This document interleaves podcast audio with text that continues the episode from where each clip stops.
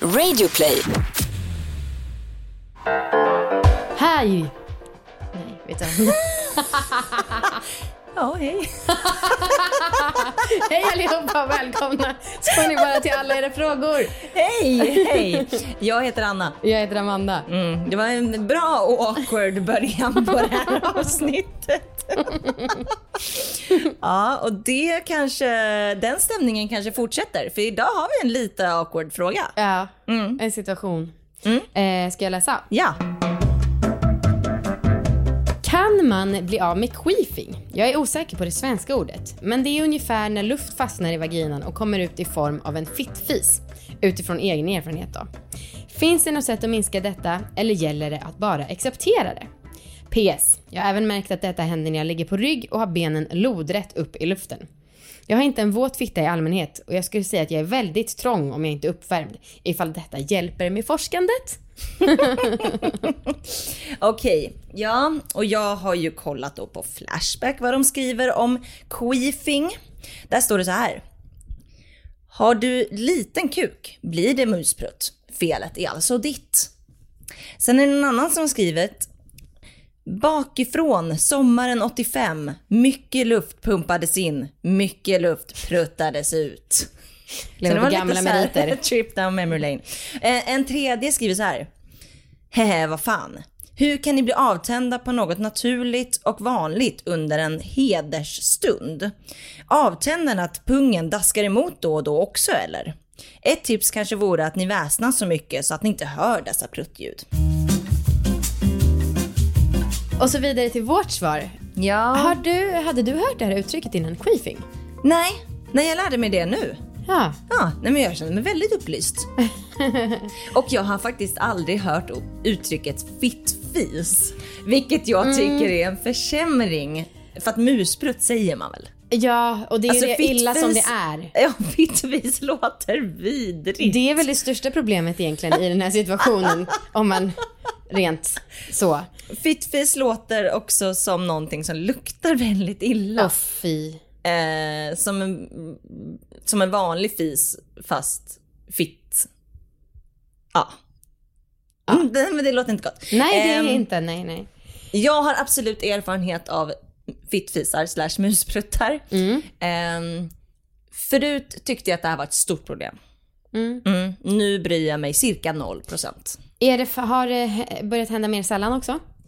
Det tycker jag. Det tycker jag faktiskt. För att ett tag så var det faktiskt, alltså typ liksom nästan varje gång jag låg. Jag vet inte, det kanske också var en period jag låg med en viss kille, jag vet inte riktigt. Eh, men då var det liksom ganska ofta. Och ehm, då var, ja, nu liksom säger jag inte ens någonting. Nej. Nu bara låter jag det gå förbi liksom. Eh, men då var det alltid så här, alltså skrattade lite obekvämt. Men jag är ju, ja, några killar jag legat med har väl också skrattat till lite. Men de flesta har inte gjort någonting. Nej. Inte sagt något heller. Jag minns det också som en grej som har hänt ett fåtal gånger när jag var yngre. Men nu Ja. var det jättelänge sedan. Ja, Undrar varför? Är det för att man har fått bättre teknik kanske med sex? jag vet inte. Nej. Och så här, nu, ja, under Marcus och min tid, ja men kanske upplevt det max fem gånger. Ja. Och vi har ändå varit ihop så pass länge. Eh, så inte ens en gång om året.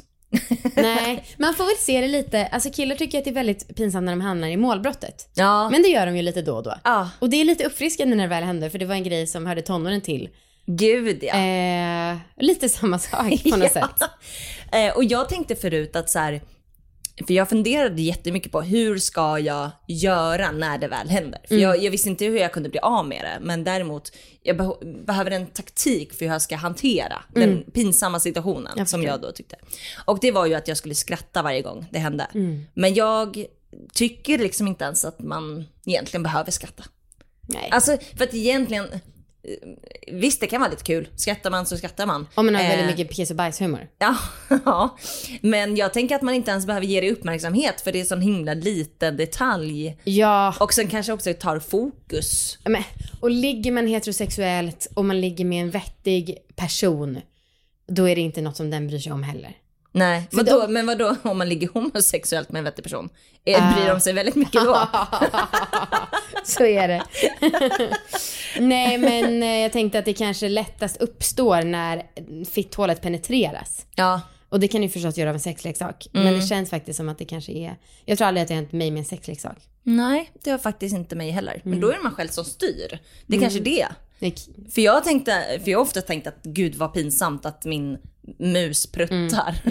Men det är ju faktiskt inte bara mitt fel. Det är ju faktiskt någon som eh, tränger in något i mig. Ja. Ja. Gud vad rapigt det lät. Ja. eh, men du, i, tänker du att det är vissa ställningar det sker? Jag minns inte. Alltså det var så länge sedan. Jag tänker att det är den ställningen som hon beskriver. Ehm, att det här händer när man ligger på rygg och benen är lodrätt uppåt. Jaha. Nej, jag Så tycker... tänk- sist, det ringer en klocka att sist det hände så var jag överst. Ha. Så jag tror inte det har så mycket med Freak. Oj, förlåt mig. Eh, men ska vi vidare till experten? Det tycker jag. Eh, det är från bakingbabies.se. Vill du läsa eftersom att det var faktiskt du som letade rätt på det här otroliga? Mm, absolut. Där står det så här. Det som händer vid en musprutt är att någonting föranlett att det först kommit in luft i vagina. Luften kan komma in tillsammans med något annat som förs in. Som Till exempel vid penetrerande sex eller vid eh, en gynekologisk undersökning. Det kan också handla om att en viss rörelse orsakar att vaginalöppningen öppnar upp sig och tillåter att luft slinker in. När luften kommer in så måste den också komma ut. Då kan den passera ut med ett ljud eller en vibrerande känsla. Det kan upplevas både pinsamt och obekvämt, speciellt om det låter mer som en vanlig prutt. Den vanligaste orsaken till nytillkommen och ökad frekvens av vaginala pruttar är att föda barn. Vaginalväggarna är då mer eftergivliga än vanligt och tillsammans med en svag bäckenbotten ger dessa utrymme för mer luft än, van, än vanligare att komma in i vagina. Detta är förklaringen till att många upplever att frekvensen av muspruttar ökar efter en graviditet och förlossning. De främsta orsakerna till muspruttar är en svag bäckenbotten eller framfall i kombination med en svag bäckenbotten. En del upplever också att besvären blir sämre under ägglossning och mens. Förstoppning kan också för, eh, förvärra besvären. En överspänd bäckenbotten kan bidra till att suga in luft i vagina för att sen släppa ut den med en prutt. En svag bä- bäckenbotten kan ge upp upphov till muspruttar som mer kommer på grund av vidheten som de försvagade musklerna skapar. Och själva pruttandet sker till följd av en ökning i buktrycket. Oh my god, är det här för att vi har blivit starkare? Det kan det fan vara. Gud vad glad jag blir. Det kan det vara. Va- vi var lite svaga där när vi inte tränade våra fittmuskler Ja. någonting. Ja, kanske. Gud vad underbart att man har fått lite utdelning. Ja, verkligen. Vi har ju kämpat som fan med våra knip, Ja. knipövningar. Vad skönt. Så det verkar som att man kanske kan testa sig fram och bli av med queefing i alla fall. Ja, Man får knipa lite. och testa lite olika ställningar. Funkar också. Men eh, ja, skitsamma om det händer. För att det är inte hela världen. Verkligen. Tack för det här avsnittet. Tack, vi hörs nästa vecka. Ja, hej då. Hej!